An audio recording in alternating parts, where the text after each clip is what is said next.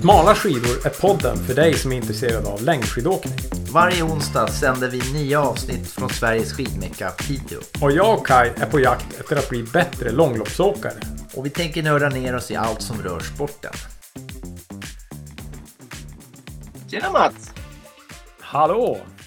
Kul att se dig! Ja, detsamma. Vi, vi, får, vi har ju bild och våra lyssnare har ljud. Men Ja. eh, vi, vi ser ut ungefär som vanligt. Jag är skäggig och du är inte skäggig och så vidare. ja, ja, jag är i work mode så jag är välrakad. Eh, Ja, Ja, jag, jag är aldrig välrakad, men jag är i work mode ändå ibland. Men, Jaha, hur har... Eh, efter Vasa nu då? För vi har inte setts. Eh, vad har hänt? Har du tränat? Har du vilat? Har du... ja, alltså, jag, jag, en sak som slog mig faktiskt nu, och det, det slog mig precis exakt nu, att jag har ju kollat på Jonna Sundling i helgen som är ju bäst eh, när det gäller, alltså hon är ju otrolig och hon hade ju en skada som gjorde att hon vilade ett tag i början på säsongen. Och jag har ju också haft en skada och ja, men vilade lite grann i början på säsongen kan man ju säga. Eh, Så nu du och efter- Jonna, ni har samma typ av... Eh, Ja, ja nej, men, nej, men alltså just det här att ofta efter Vasan så är jag lite less. Brukar jag vara lite less. Alltså sådär att man säsongen är lite slut. Man, alltså det, I bästa fall lite våråkning. Men, men nu så kände jag när jag hade vilat några dagar, för det är klart att man är slut efter Vasan. Men när jag hade vilat några dagar så i fredags då åkte vi ju Valsbergslöparna som vi brukar prata om. I riktigt blött före med skate och så i lördags och söndags så körde jag stakpass. I måndags styrkepass. Och i, nu idag, eh, tisdag, idag när vi spelar in det här, så har jag kört intervaller. Så att jag har tränat fem dagar i rad. Eh, och, det, och haft roligt. Ja, det, det känns riktigt bra. Jag, jag känner mig ganska stark också. Men jag ser på klockan att den tycker inte att jag jobbar så mycket, men jag tycker ändå att det går hyfsat fort. Så att jag hoppas att formkurvan är på väg uppåt eh, fortfarande. ja, men nu blir jag ju bara avis. Jag har ju varit på Mm. jobbresa och sprungit fem kilometer och sp- spurtat med en, eh, med en, eh, en företagsledare och eh, faktiskt tog den men sen har jag haft sån värk. Jag har inte sprungit på hela vintern. Så att, men det var det värt faktiskt. Eh, ibland är det kul att vinna. Eh, det gick ju inte så bra på Vasan så att, eh, det var typ, ja. Du fick jag, vinna har ett inte tränat lopp. så himla, jag har inte tränat så himla mycket men det är ju lopp nu till helgen så det är väl bara att på med grejerna. Eh, Men, men du känner dig sugen va? ja, ja, nu är det skate Mm. som gäller. Ja. Det är ett skatelopp 42 kilometer som träning tänkte jag inför jag och min sambo. Vi ska åka det här eh, Kungsledsrännet. Ja. ja, det är ganska mycket höjdmeter du plockar där va? Två- 2000 Ja. höjdmeter eller någonting. Ja, jag har ingen siffra, men det är mer i alla fall än man brukar göra. Ja. Å- Åtta mil skate och så Ja. måste man ju ha lite utrustning med sig om det blir dåligt väder. Så det blir så här kul äventyr. Eh, Ja. Men det är bra att skata lite inför det. Jag tror att det är ett perfekt lopp för dig. Jag, jag, vi åkte ju i fredags skate och då hade vi med oss en kille som har åkt det där som pratade om det. Eh, och då Ja. sa han just nästan 2000 höjdmeter, men också att det var nerför någon backe där det går 70 km i timmen, typ på skoterspår. Det passar ju dig perfekt. Du är lite kam- kamikaze. ja, det ska bli kul. Då ska du bara ha liv med det också, men, men eh, det, det går säkert bra. Hon är också lite kamikaze. Ja, men du, medan jag har varit, vad heter det, utanför skidspåret och far iväg på jobb så har ju du eh, gjort något helt fantastiskt tycker jag här. Du, Ja, har alltså ju, jag, du har ju haft en eh, intervju med Mr. Probably the best skier in the world. precis. jag. Jag, jag frågade ju dig när du sa att du skulle bort, får jag göra vad jag vill? Och då sa du ja, gör vad du vill. och då tänkte jag, vem ringer man då? Jo, men man ringer ju den bästa. Så ja, men det var, det var trevligt. Och, och det är ju också lite grann av eh, syftet med podden, att vi ska lära oss mer, men också att man faktiskt kan ringa eh, Emil Persson och få snacka. Det kanske inte Mats Långström från Bergsviken, Piteå, led femåkare numera, eh, skulle ha gjort bara sådär. Så det är ju, det är ju Ja, faktiskt men riktigt nice. Po- Podden blir ett alibi. Ja, så Ja. ja. Ja, jag skulle inte är haft nice. så många trevliga samtal under Vasan eh, om vi inte hade haft podden. Folk eh, hejade och sådär. Så det är riktigt kul. Eh, Men ska vi lyssna? Det är ju hur Ja. bra som helst. Vi lyssnar och så kan vi reflektera lite sen. Jag, så, jag såg att du hade IQ 600 i din mailadress. Är du, är du Polaris-kille? Jajamän. Det har man varit hela livet. Ja, det är så. Jag, jag är ju skido-kille, men vi kanske ändå kan komma överens. Ja, det brukar vara svårt, men kan, vi kan göra ett försök. ja, men då hälsar jag Emil Persson välkommen till podden Smala skidor. Tusen tack! Kul att få vara med. Ja, jättekul att du kan vara med. Och jag, jag tänkte, vi ska inte slösa med, med våra lyssnares tid med att berätta vem du är. Eh, jag tänker att det, det, det, tror jag de flesta vet. Så jag tänker att vi kastar oss rakt in i, i, i det intressanta och, och pratar långlopp och skidåkning istället. Eh, känns det okej okay för dig?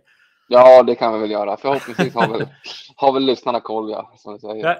Jag, jag, tror vid det här laget att de har det. Eh, nej, men jag tänkte, det känns ju konstigt om vi inte prat, börjar prata lite Vasalopp i alla fall. Och eh, jag, jag faktiskt, jag åkte ju själv, men har precis tittat på tv-sändningen för att ha lite koll på vad som hände där framme och så där. Så jag, jag tänkte bara om du, du kunde ge en liten nu har du haft några dagar att fundera på det här, men en liten sån här hur du upplevde det och de olika passagerna och, och det som hände och ja, så att säga, har du något som, som vi inte såg? Ja, men berätta lite om loppet. Jag kan väl ta igenom, köra liksom redan från start att eh, mm. det, är, det är en häftig start såklart. Eh, speciellt i år då när det var den vanliga starten, så det var kul med mycket folk där. Men eh, startskott igår och det, det är liksom den start, första kilometern är brutal. Det går ju ruskigt fort där. För det är sånt jävla positionskrig och sen vet man att den där backen kommer och ja, den där backen gick ruskigt fort i år. Fick slita riktigt hårt, men det var väl lite som väntat att. Eh, vad hade här... du för position i backen? Var, var, du bland de främsta eller låg du? Ja, jag tror jag går in i backen kanske men topp 10 och jag går ut ja. jag, som 6-7 i toppen. Då. Ja.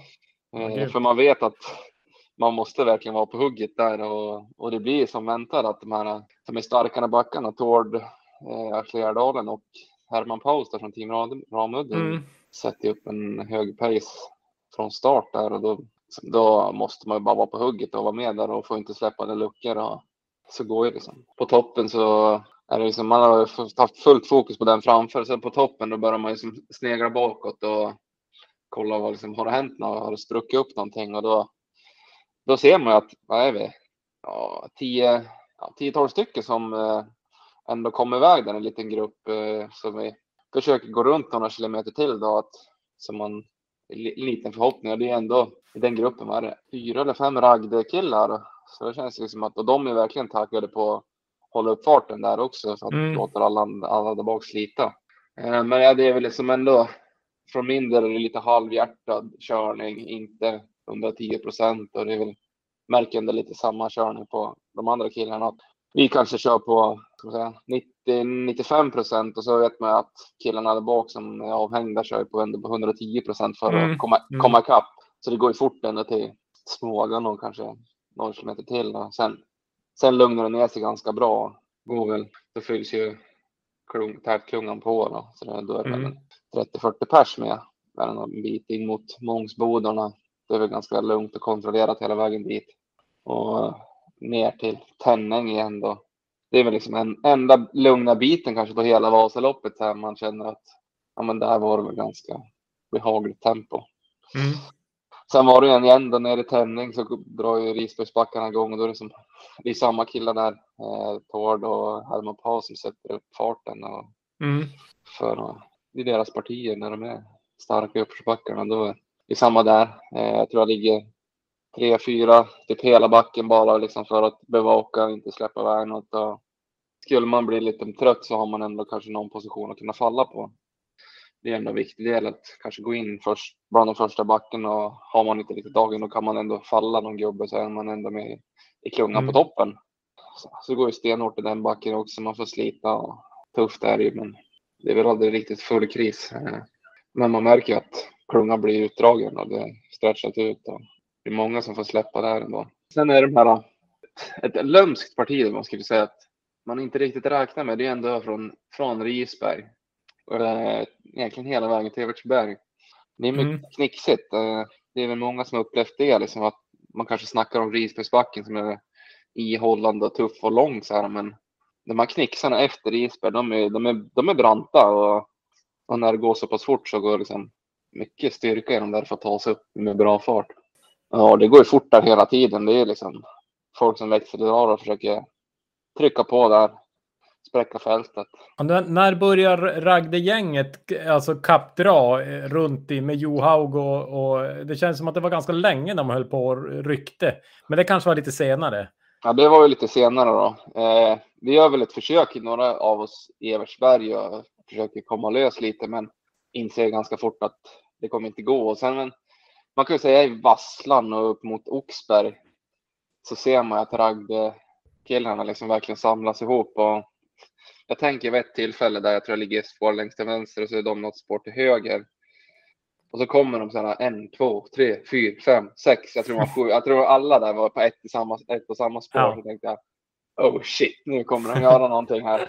Så då får man ju bara med, vara med liksom. Och, men ja, de försöker attackera lite där också.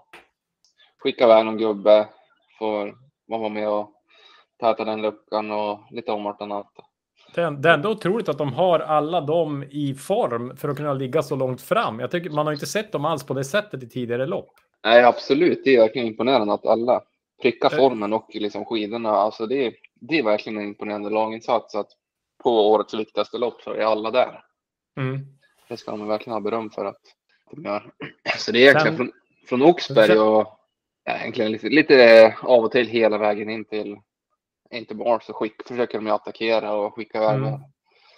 Johan Hohl, Karsten Johaug, eh, Anders Haugland. Det är väl de tre som tar mycket ansvar av det då. Köra lite. Hade, hur upplevde du skidorna jämfört med deras? Hade du någon känsla? Var det ungefär samma eller? Ja, lite samma ska man säga. De, lite plus på dem tror jag. Någon. Ja, hur var det? Jag tänkte det gick ju från väldigt kallt till ändå hyfsat nästan nollgradigt i mål. Hade ni bättre eller sämre i början eller, eller hade, tror du alla hade ungefär samma valla taktik? Att, alltså det var ganska likt eller?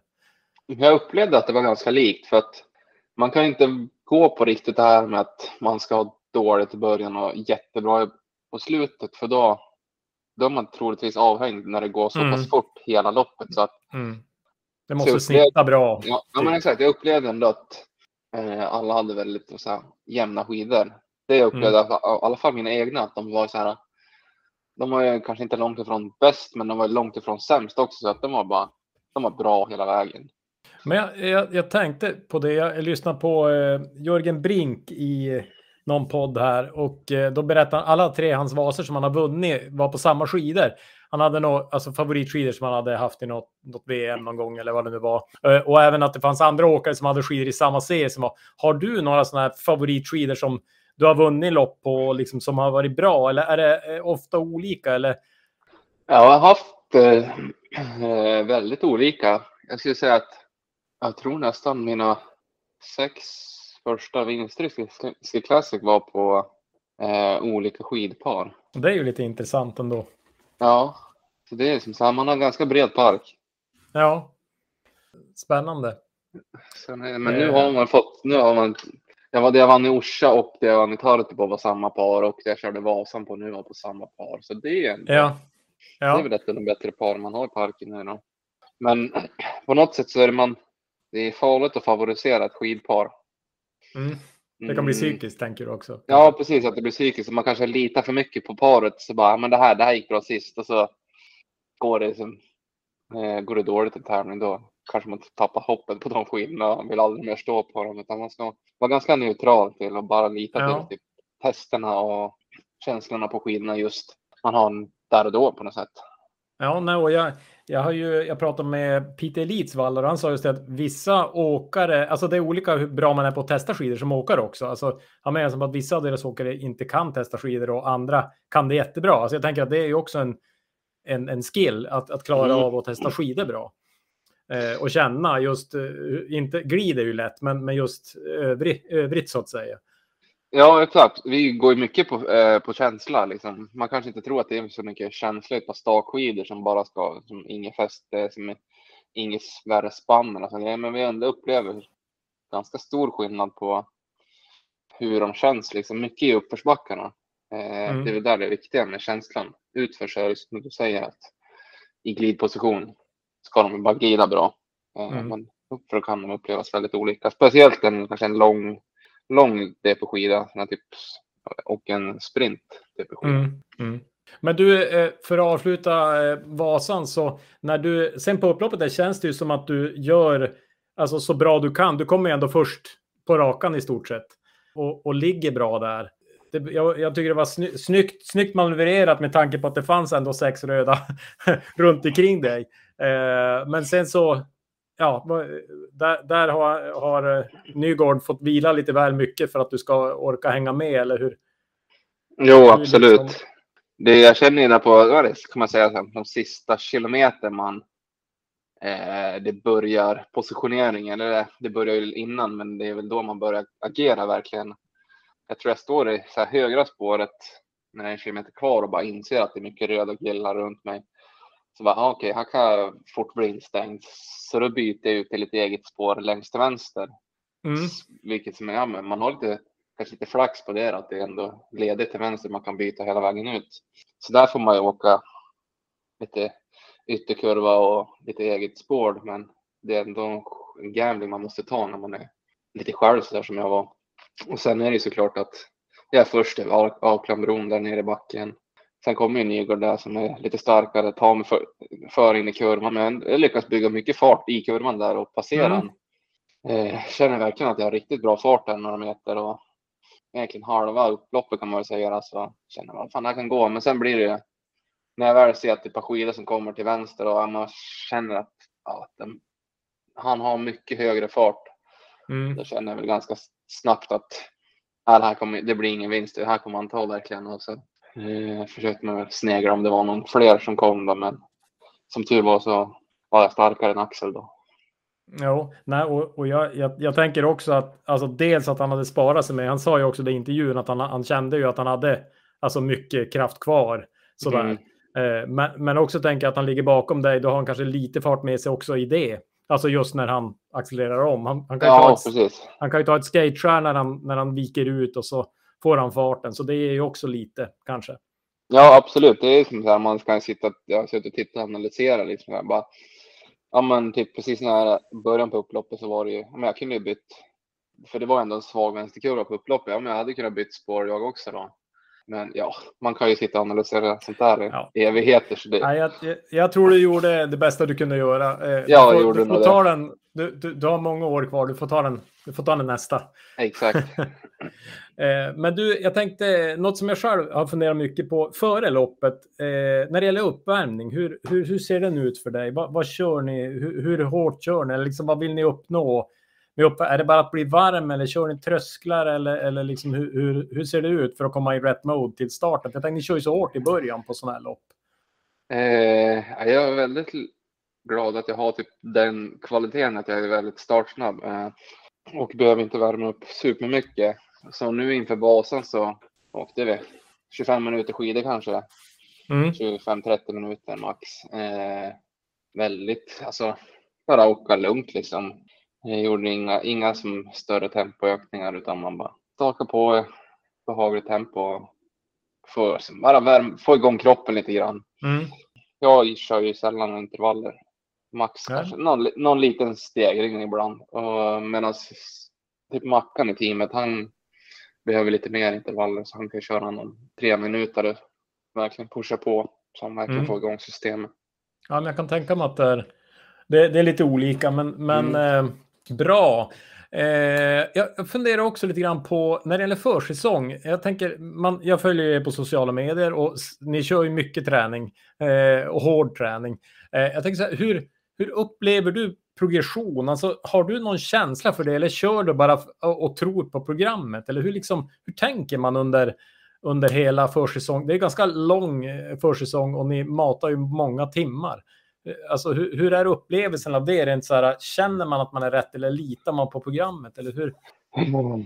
Det känns ju som man är fel väldigt ofta. Och då är det liksom bara lita på programmet och vara liksom, var trygg och lita på planen man har. Liksom. Man har ändå lagt någon slags grundstomme egentligen från maj, juni till säsongstart. Mm. Typ det här vill jag genomföra i min träningsplan. Men typ när man sitter inför säsongen, inför träning. Ja, men det här gjorde jag i fjol. Det funkade bra. Så kan man liksom kanske ha samma, lite samma grundstomme. Men man tweakar till det lite på att det finns ju alltid kvaliteter man vill förbättra och så kanske man försöker lyfta in lite sådana träningsmoment. Så det blir ändå att eh, under sommaren så får man liksom bara ja, men, lita på planen för det är som sagt formen går upp och ner även i träning och mm. när man har dålig form då börjar man ju tveka och ifrågasätta vad man håller på med och kanske liksom, det är ofta då det blir dåliga beslut att man kanske går ifrån det och gör någonting något annorlunda som egentligen är sämre då istället för bara ta det lugnt, lita på planen. Ja, och jag, jag tänker att det är ju ändå mycket snack om, jag tänker traditionella eh, skidåkarna i, i världscupen och så, alltså killarna, att de, eh, de, de kanske tränar för mycket ibland. Alltså att de, att de inte når resultat och liksom ja, kör när de, alltså när tränarna säger att de inte ska köra, så kör de ändå bara för att de liksom vill. Så jag tänker att det är ju förmodligen viktigt att, att hålla sig till sin plan även om det känns eh, alltså olika som du säger. Ja, det är väl det... liksom lite samma sak om det känns jättebra. Så kan det bli lätt att man kör lite, lite mer då. Ja. ja. För att ja, men det känns så jäkla bra. Så då kör jag lite fortare då. Det är liksom också en en sak som man kanske tar med sig att ja, men, lita bara på planen. Bra, du, eh, jag hade lite funderingar. Du, du är ju en av de bästa långloppsåkarna eh, och jag tänker så här, du har ju hållit på ett antal år. Finns det, alltså kan du, har du några sådana här förändringar du har gjort som du har känt att nu har jag tagit ett steg? Alltså, sådär att nu, när du har förändrat, kan vara nutrition eller teknik eller har du några sådana milstolpar som du kan dela när, när det har hänt saker i din progression? Finns det några sådana grejer du kan dela eller har det som varit?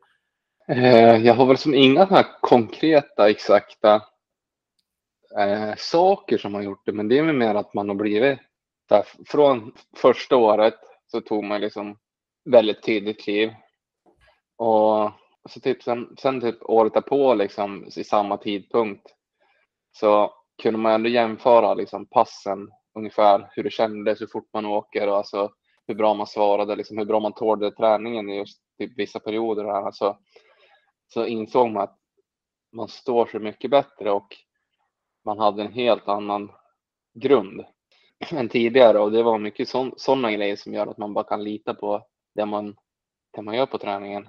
Sen är det såklart att typ nutrition, alltså energin under loppen har man ju fått lärt sig mycket genom varje år också. Att, mm man läser på lite, lyssnar på lite poddar, får med sig som, med tips och grejer som man kan lyfta in, in och testa. Mm. Så det, det ju liksom... Jag såg på Vasaloppet att du, jag såg att du tog från, på någon station eh, från en allmän dryck. Eh, stämmer eller såg jag fel eller? Nej, men det stämmer absolut. Ja. Vi, vi hade, vad hade vi? 14 stationer, alltså 14 stationer som liksom bara teamet hade folk ute då, men det är ju som inte säkert att det går lugnt där, utan då kan man Nej, passa på då, liksom att ja, men åker man genom station så det går oftast lite lugnare just genom station. Ja, och, de, och de står ju där ute med flaskor, så kan man lika, och det brukar vara liksom ganska lugnt i klungan, liksom att det är utspritt, eh, mm. man finns plats. Så de kan man alltid passa på liksom att rycka en sån, alltså, det är ingen plan man lägger att ja, men det, den stationen ska jag ta på, utan att man fångar tillfället. Ja, precis. Så det blir många gånger att det kanske går jättefort när mina servicekillar står lägger spannar, men då har man inte tid att ta där, så då får man ju bara skita den och ta mm. på nästa. Liksom. Att mycket sådana spontant blir det ju. Men, men när det gäller eh, te tekniskt sett då, om man tänker utvecklingsmässigt, är det, är det framförallt styrkan man bygger där för att kunna ha bättre teknik? Eh, eller hur, hur utvecklas den liksom genom åren i, när du blir bättre och bättre och så? Ja, det är absolut det. Det du säger är ju styrka. Det är väl liksom grundpelarna som jag har haft att för fyra år sedan när man började med hetsatsningen på långlopp så hade man väl kanske bra grundteknik, men den höll inte så länge. Och det är som så att styrkan, alltså när man har varit i gymmet och bara fått staka så mycket mer, så märker man att man klarar att stå tekniken mycket, mycket bättre och mycket, mycket längre. Mm. Jag tycker också man kan, man kan se lite grann på form. Jag, jag kikade på bland annat den här loppet ni körde 10 kilometer upp för. Eh, när, när du hade varit lite sjuk eller någonting. Så upplevde jag att man såg, man såg eh, att du inte kom upp. Eller liksom du, du kändes inte lika bra som du normalt sett gör. Jag tänker, är, är det också liksom formkopplat väldigt mycket teknik om, om man liksom tittar på? Absolut.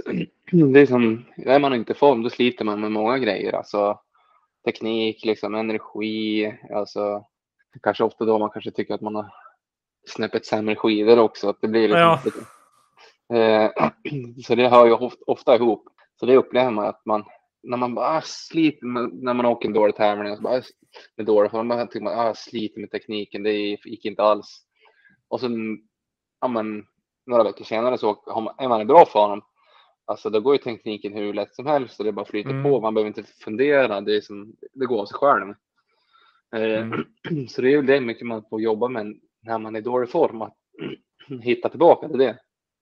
Till liksom tankarna, om man ska sätta bra teknik så det är en viktig, viktig del. Jag, jag, tänker också när det går så fort för er, eh, det märker jag själv att jag är dålig på att åka fort. Alltså det, det, det, eh, ju snabbare man åker ju mer timing krävs ju. Så jag tänker att har man inte dagen så kanske det är tajmingen som far först. Ja, exakt. Det blir liksom någon millisekund för sent eller för tidigt och då bommar man trycket så är det, liksom, är det mycket kraft som går ut åt något annat håll. Då. Mm. Men du, eh, jag är lite nyfiken på taktik också. Jag upplever att det har blivit mer och mer taktik i Visma. Eh, och jag, alltså det uppenbara som jag ser det är ju det här att skicka iväg någon och så blocka de andra och så de här rycken. Men är det annat som händer i klungan som man sådär som som eh, liksom eh, åskådare kan titta på? Eller liksom, vad, vad, vad händer under loppet? Jag tänker, det är, mm. man pratar mycket om att det är som cykel och jag, jag har inte tittat så mycket på cykel. Men, men, men vad, är det, vad försiggår rent taktiskt under loppen? Eh... Det är mycket att vara närvarande med teamet på något sätt. Att finnas där liksom, att eh, säga att det är någon som är som lite instängd på kanske högerflaggen så kommer man på vänstern så bara så kommer inte den här kompisen ut. Men då är det som bara, ja men stanna till, släpp ut den. Så man liksom alltid vet att man kan bli utsläppt. Man insläppt i några spår och några spårbyten, mm. sådana grejer. Sen, eh, jag och Mackan gjorde en schysst grej på Vasan där att vi kom precis till en vätskestation där Marcus Laggar stod. Och jag låg i spåret till höger. Mackan låg i spåret till vänster. Så bara så visste jag att Mackan ska ha vätskelagning för han hade inte med sitt bälte just där. Så bara, ja, då frågade han om ska du ha? Så då tog jag flaskan av eh, Marcus Lagger då och så bara gav jag den till, till Mackan då. För annars hade ah, han ja. blivit utan. Mm. Ja, men det är ju, eh, det är ju skitbra. Så det är liksom så här, lite små grejer. Alltså, men så... just så här, i offensiva taktiker så är det ju som, då är det som du säger, att man släpper iväg folk och vara med liksom och störa lite i, i jakten på den. Och, men är det, jag tänker så är det lite Sverige-Norge också. Jag tänker, jag upplevde ändå att ni hade lite mera samarbete med, med Max och eh, alltså, eller är det bara något som jag tänkte så där att ni är lite schyssta med varandra ibland eller, eller jag tänker släppa in något sånt där. Tycker jag när man såg ibland i, nu i Vasaloppet. Ja, men på, liksom, när det inte är avgörande partier så är vi väldigt snälla med allihopa. Ja. Sen är det ju ju närmare avgörandet man kommer ju mindre buss är man med sådana grejer. Då ja, exakt. Ja, jag fattar. Sen blir det liksom automatiskt att som sista biten på, på Vasan att jag och Max är väl ändå de som tar mycket ansvar. Då måste ändå vi på något sätt hjälpas åt lite mer än vad eh, över laggränserna. Mm. Då blir det liksom vi mot Ragde då. Ja, ja just det. Ja, jag fattar. Eh, något annat jag tänkte på också, Tartu var ju en succé. Jag var otroligt impad. Det måste ha varit ett härligt lopp att göra. Och något jag funderar på, det var ändå ganska länge du låg, kanske 10, 15, 20 sekunder före, så att du hela tiden hade dem i ryggen. Eh, hur gick tankarna där? Jag tänker så här, för du är ju ändå mer känd som en spurtare än en, en, en kille som går lös. Eh, hur, hur, gick tankarna där? Eh, för det måste ju ha varit i alla fall en mil minst som du låg ganska nära klungan. Jag tror att det var 15 kilometer. Ja. Men det var ett av de kan vara bästa lopp jag någonsin har åkt. Så här, och att det är här, din, din dröm att få vinna på det sättet. Jag tycker liksom att det, det är väldigt äkta och det är att det, man är, man, det är så tydligt att man var starkast för den dagen. Mm. Men såklart, det var ju, tyckte det svarade riktigt bra i så här fem kilometer att ja, men det här drar jag nästan iväg lite. Så då tyckte jag, så var jag pigg i kroppen att ja, men det gör ingenting när man kommer ikapp för jag kommer ändå återhämta mig bra. Så då, liksom, ja, men då körde man bara på ett tag där. Ja, men återhämta mig bra hela tiden när jag åkte själv i de här små utförsbackarna. Så, men då kommer de ikapp då så är de troligtvis lika slitna som jag är. Mm. Eh, så det var mycket det man åkte på. My mycket självförtroende att du kunde ta de besluten på något vis. Alltså att du kände dig stark. Ja, exakt. Eh, mycket, det var ju sånt som du som vi snackade om tidigare, att formen liksom, eller tekniken bara stämde hela tiden där. Och jag blev aldrig sliten med någon teknik så då kände jag det är också ett bra tecken på att då går det fort och det här. Och det var ju också att de gångerna jag tittade bak och jag såg klungan så var det väldigt utsträckt klunga. Det var, det var ju sprickor och luckor i klungan också. Just det. Då, då går, ser man att det går väldigt fort där också. Sen var det väl kanske ja, när jag åkte en mil, 12 kilometer själv så då bara, ja men då så var de riktigt nära.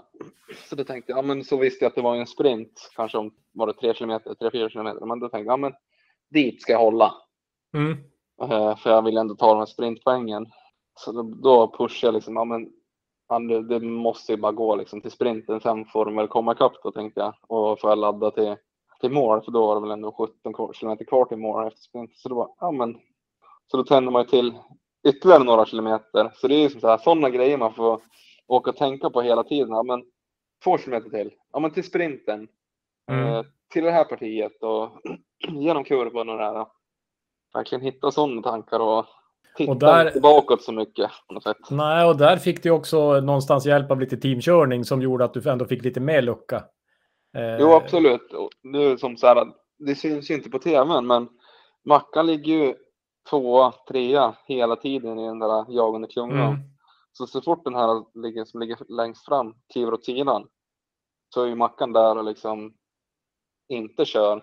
Så då tappar ju de fort mm. två sekunder. Och då är det två sekunder de ska jaga ikapp liksom. Och det är väl det som kanske händer väldigt tydligt efter sprinten där som det filmas ju ingenting. Det bara blir för det var. Jag tittade bak precis innan sprinten. Så bara, ah, nu var de jättenära. Och så tänkte jag, ja, men då kommer de ju alldeles strax. Men jag åker liksom kilometer, en kilometer, två kilometer, tre kilometer. Sen tittar jag bak på en raka så bara, oj, nu är de inte ens i närheten. Då hade jag ju liksom fått en minut. Ja. Och så hör man det i efterhand. Då var ju ändå, då var ju alla tre, Mackan, Runar och Eddie där uppe och liksom störde till det lite grann och då, då dödade de ju som jakten på mig där då. Ja, det var, det var riktigt häftigt och, och jag tänkte också, det kändes ju som att du inte riktigt hade fått några bra sekunderingar där på slutet. Eh, och det var kanske lika bra, för det känns som att du körde på nästan ända in i mål. Med, ja, med den fart du hade. Väl, när det var 10 km kvar fick jag väl en och en halv minut. Ja, eh, just det. Och det så bara, ja men fan vad gött nu, det här kan verkligen hålla.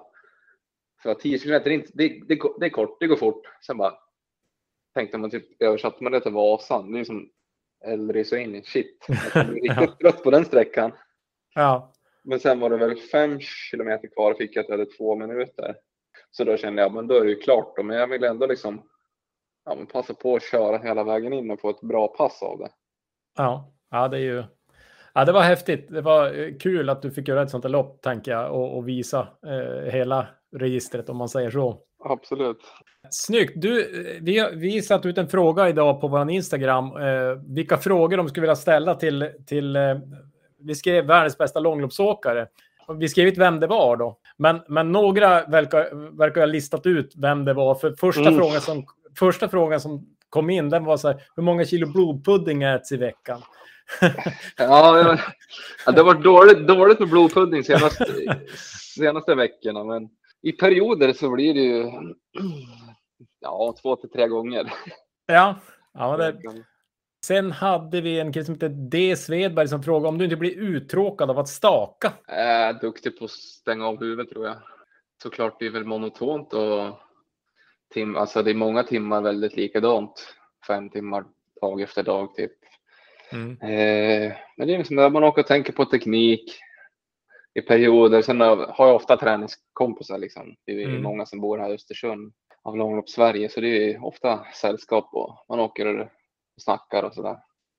Det, det, är ett ja. jobb helt enkelt. Man kan ja, men exakt. i någon pappersmaskin också eller någonting. Det, det, det, det, är på den nivån man är så att de här dagarna då är det spöregn, fyra grader och mörker så ja, jobbet ska göras. Alltså, det är det här jag får betalt för och då ska jag bara göra det liksom.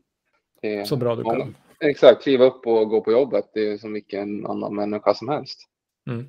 Jag har eh, en M. Fridner som frågar långt och lugnt eller långt och hårt? Den där är det. Det ena utesluter väl inte det andra. Nej. Nej, men långt och hårt ändå. Ja. Man gillar att plåga sig. Ja, ja det är härligt. Jag, jag, jag tror att eh, vi som är någonstans i mitten av Vasalopps eh, liksom, eh, rangen, vi, vi skulle nog behöva mera långt och hårt tror jag. Eh, så att det kan nog vara ett bra tips. Mm. Eh, sen har vi en Karin Johansson, 69, som skriver så här. Kan man jämföra tröttheten hos en maklig motionär som åker sitt snabbaste och elit vid målgång? Uh, det där var svårt. Jag vet inte. Alltså en lagom motionär som åker sitt snabbaste och kommer mål på Vasan är nog betydligt mer utmattad skulle jag säga än vad vi är när vi kommer till, till mål på Vasan. För att det här är vårt jobb och det är liksom det enda vi tränar på. Så vi kommer nog dit liksom med en helt annan, ett helt annat sätt liksom. Ja, jag, jag, jag kan bara hålla med. Jag, jag tror också det. Jag, alltså de här som åker på tio timmar och ger sitt mm. allra bästa, det är ju det är slitigt.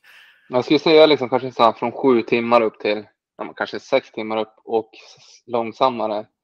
Det blir så många timmar som blir så utmattande. Mm. Och för, för, de, för de har ju liksom inte, de har inte de här timmarna på skidor under vintern som gör liksom att det kanske är behagligt utan jag kanske måste upp i 20 timmar för att komma, komma på deras sju timmar. Ja, typ Nordenskiöld eller något. Eller ja, dubbla okay. Nordenskiöld blir nästan. Mm.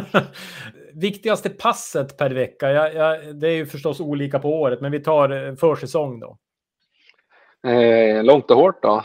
Ja, härligt. Eh, kommer det till fråga där någon eh, har listat ut vem du är. Vad har du för favoritsylt? Det är nog hallonsylt, det är nog favoritsylten.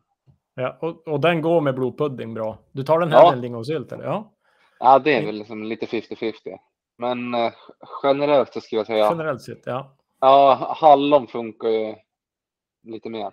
Jag fattar. Eh, det var JP7 som hade Jesper Pettersson och så där var. Eh, då ska vi se här. Topp tre övningar för att bli bättre stakare under barmarkssäsongen utöver roll, rullskidor.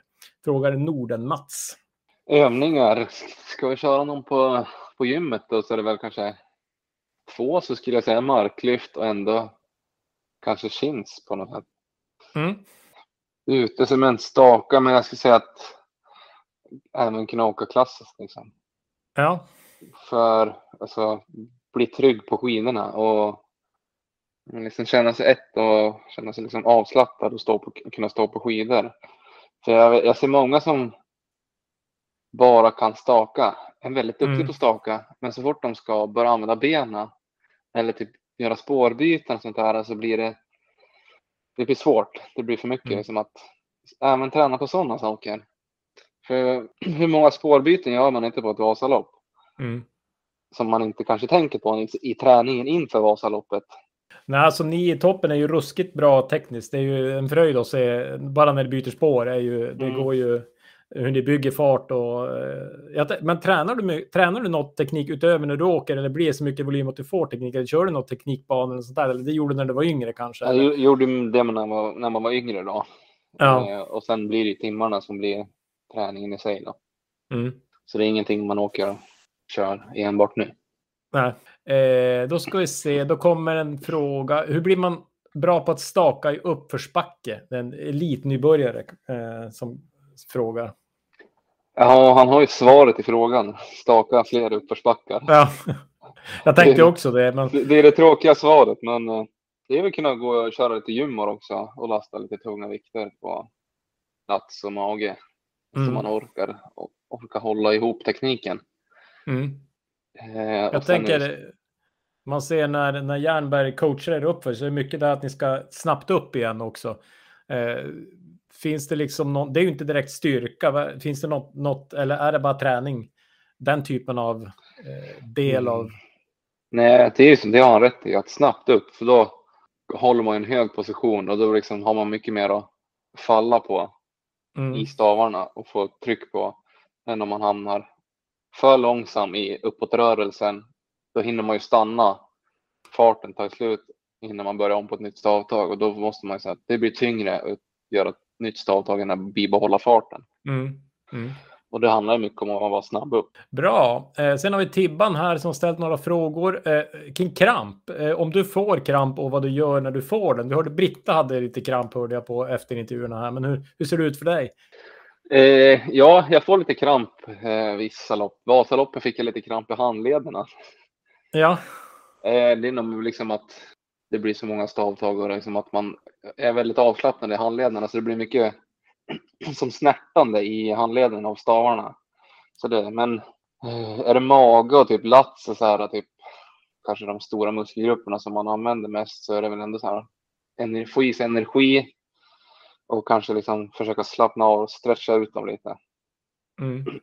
Men, har du någon gång eh, liksom fått så här att du har nästan kapsejsat av kramp i magen? Eh, alltså att det liksom... Nej, jag har aldrig fått det när jag åkte eh, skidor, men jag har fått det någon gång när jag cyklat, att kramp i benen liksom. Att ja, just det. det var efter någon spurt och så hade jag kramp i spurten sen. Men då gick det på något sätt att driva igenom för då var det så adrenalin på slag. Men så fort man passerar mål så slog det som av och då, ja, jag tippade ju av cykeln liksom. så jag kunde, jag kunde inte klicka upp pedalerna. Så, ja, det har det. Men det är som stretching och avslapp, försöka få bli, bli avslappnad och få i sig mm. energi som gäller. Vi har pratat lite grann om det här, men det kommer en fråga, så vad tänker du på när du åker? Alltså när du åker, är det teknik, taktik, problem i vardagen, räkna stavtag? Alltså vart, vart, vart går tankarna? Eller är det så pass mycket som händer att man måste vara 100% fokuserad på, på loppet? Eller finns det något så här, eh, bra tankar eller vad tänker du på? Ja, på Vasaloppet så åkte jag på myrarna. Från början åkte jag och tittade på skotrarna som man gillar liksom. Köra skoter så åkte man och tittade på, mm, undrar vad det är för märke och vad de håller på med. Så det ibland kollar man in i kameran och det här att det någon, går det lite lugnare kan man ju liksom skämta med de som är klunga lite grann. Så det är som lite sådana grejer man kan fundera på under vägen. Men mm. så fort det liksom ändå börjar pacen börjar gå upp och det går börjar bli jobbigt, då är ändå fokus. Då hinner man fokusera så pass fort och liksom direkt på då är det allvar och då är det liksom bara hänga med och göra jobbet. Eh, jag tänkte på smärta. Eh, hur, hur hanterar du det? Under, jag tänkte så här, när, när det gör ont och när du måste slita. Hur, hur, var, var, vart har du smärta och hur hanterar du det? Jag brukar ändå försöka tänka liksom att när det blir tungt så är det liksom på något sätt så brukar man oftast kanske se slutet på det om man är uppe på en backe så är det bara, är backen två minuter så är det, kan, nu är det två minuter på hela den här jäkla dagen du behöver ta i. Mm. Det är inte så mycket, det, det är liksom, då kan man fan pressa sig. Så man får liksom sätta det jämföra med liksom, ja, men två minuter på en 24 timmar, det är inte mycket. Då kan man fan pressa sig lite till. Du jobbar med perspektivet helt enkelt. Ja, men exakt perspektivet och uppskatta, mm. uppskatta den där känslan av att vara trött och ha ont. Det är ändå dit, jag tror mycket det handlar om att inte vara rädd för det. Nej. Det låter ju vettigt. Eh, jag, något, eh, jag har en fråga här också. Kör man på andras skidor för att psykas eller är det bara svårt att hålla avstånd? Eh, det är svårt att hålla avstånd. Det är ingenting man gör för att förstöra för någon annan. Nej. Det är mer att det kanske blir liksom att man är så jävla taggad, liksom vill inte släppa att man åker liksom dit upp och touchar lite på skidorna. vem är roligast på touren? Eh, ja, ja, bra fråga. Eh, ja, men det blir ändå en del snack med, med Oskar under loppen. Mm. Ni kan vara lite interna kanske? Ja, men exakt. Man, har, man känner ju varandra så pass bra. Så. Men annars vet jag kanske, det finns ingen riktig clown i, i, i touren som är så nära man tänker på speciellt. Ja, det är bra. Här kommer en fråga. Blir du less på sportdryck och gels under ett lopp? Ja, absolut. Det är inte det man vill ha när man kommer i mål. och för det börjar man trycka liksom godis och sött, sötsaker och dagarna innan och maxa det på tävlingen. Så när man kommer i mål då är det gött med en pizza typ. Mm. Några salta ja, chips. Ja, vi pratade just om det på förra poddavsnittet att, att Mara borde utveckla fler smaker som inte är så söta, även om det är sött. Alltså, det borde mm. kunna finnas alternativ, för allt smakar ju bara, ja, eh, även om de försöker. Men det borde gå att göra bättre. Och det blir samma sak där, att jag tycker inte gott, men jag måste få i mig det. Så mm. liksom, ha, man har ingen val, det är som bara... Det är bara att köra. Ja. Eh, när vi ändå är inne på söksaker så frågar någon här favoritglassen. Snickersglassen skriver jag. Snickersglassen, det är mycket energi i den. Ja, exakt. Eh, så frågar Krigminator frågar bästa träningstipset. Den är ju bred, men du får väl eh, du får, du får säga något där. Ja, men ha kul. Ja, det är bra. Ja, gör det du tycker är kul. För då kommer du bli bra på det. Frågar inte eh, igenom samtidigt tycker det är kul. För det, då kommer det bli halvdant. Och här kommer bra tips på pass som gör att du kan hålla bra marschfart. Fråga Dave nummer ett. Jag ska säga att kanske liksom ligga under toppmarschfarten och sen köra kanske liksom impulser och så fart, lite kortare inslag i dem. Ja, just det. Typ så, så... tröskel och så maxa eller? Ja, precis. Så. Ja, kör liksom tröskel, kanske lite under tröskel. Och i längre tid då, kanske, nu vet jag inte vad som är, men en timme. Och så kan man köra impulser i det. Mm. För då får man ändå så här, bra marschfart och så får man ändå träna på de här tempoväxlingarna och som verkligen tröttar ut och dödar lite muskulaturen och det här och som kan bygga upp styrkan liksom för att kanske få högre marschfart eh, till nästa gång.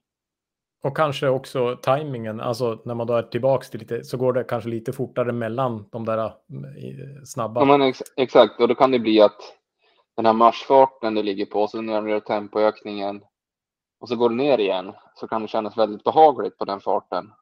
Mm. Och när man har den känslan liksom, alltså, kör man ett tag så blir det en ny tempoökning så att man liksom kan bli ganska behagligt på den farten fast det går väldigt fort om man skulle bara köra den farten. Men så, när man kryddar till det lite så. Ja, jag fattar. Det låter supersmart.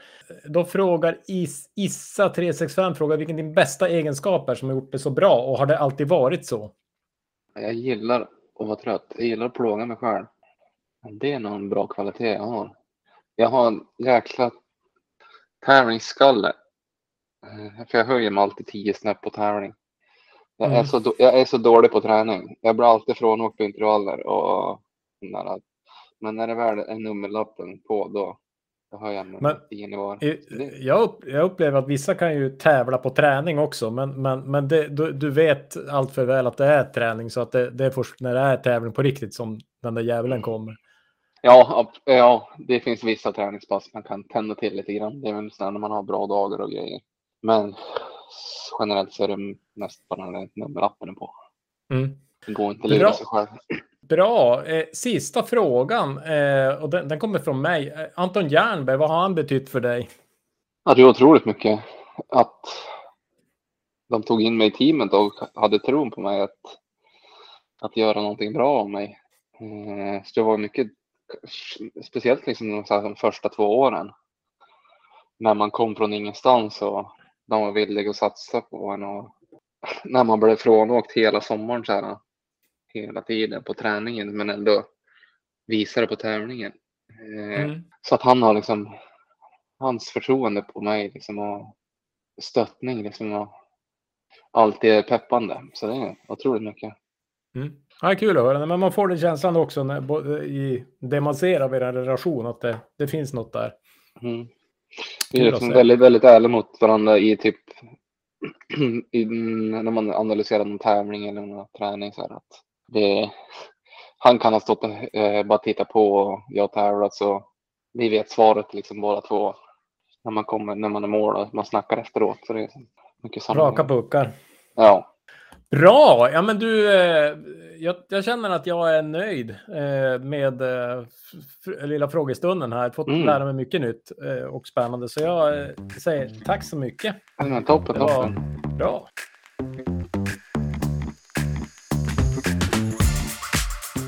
Alltså Mats, eh, hur bra är inte du på att intervjua egentligen? att du inte är på SVT Vinterstudion, det förstår jag inte. De borde headhunta dig. Alltså jag sa till min fru Åsa eh, efter du hade creddat mig för intervjun så sa jag att man kanske ska bli journalist. Sa jag. men, men jag vet inte, skriva, jo jag kan ju skriva men, nej, men jag tycker det är bra. Eh, vi, vi håller det på den här nivån och så gör vi det så bra vi kan. Men tack! Ja. Ja. Och eh, också tack till alla som har skickat in frågor så att du fick eh, både högt och lågt. Allt från sylt till eh, frågor om eh, liksom... Blodpudding och glass. ja, precis. Ja, det var roligt. Ja, nej, det är ehm. bra. Kul att få veta vad folk vill veta också, tänker jag. Ja. Eh, det, det, det är någonting med din sista fråga där som hänger kvar lite grann. Eh, det blir så tydligt att han kan vara så bra, inte för att han bara är så bra, utan för att han har liksom någon som tror på honom och support och stöd och sådär. Och eh, jag tänker på, på oss. Jag menar, vi har... Eh, vi tränar och tycker det här är kul, men jag märker min, min sambo exempelvis, hon, hon bråkar inte om jag vill åka skidor, utan hon eh, skickar gärna ut mig eh, i spåret och, och frågar, nu har du inte åkt skidor på en dag, ut med det liksom och hur viktigt det är att, att, få, att, ha liksom, att ha lätt att komma ut och göra det man tycker är roligt. Eh, så det var tydligt. Jag tänkte mycket på det i slutet där, liksom på min nivå. Hur är det för dig med, med den där... Eh, liksom, hur, vad, vad, har, vad, vad ser du kring det? Två, två reflektioner. Det ena var, eh, jag, jag spelat golf förut och det blir också ett gift. Eh, och då hade jag min, eh, ja, jag är skild då, men min förra fru tyckte inte om det så mycket.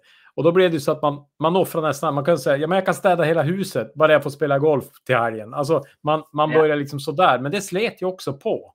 Alltså ja. medan nu så, även om min fru inte åker skidor så är det väldigt tillåtande och jag får åka. Och det är klart att det, det för hon ser ju att det gör bra, alltså att jag, jag mår bra och har jag kondition så orkar jag mer och, och kan vara mer närvarande och så vidare och bli trevligare kanske också. Ja, ja. Så, men däremot så jag, jag har faktiskt ett, ett riktigt projekt nu. Jag, jag har en skier som står i garaget som vi har pratat om någon gång tidigare som knappt är använd. Samla damm.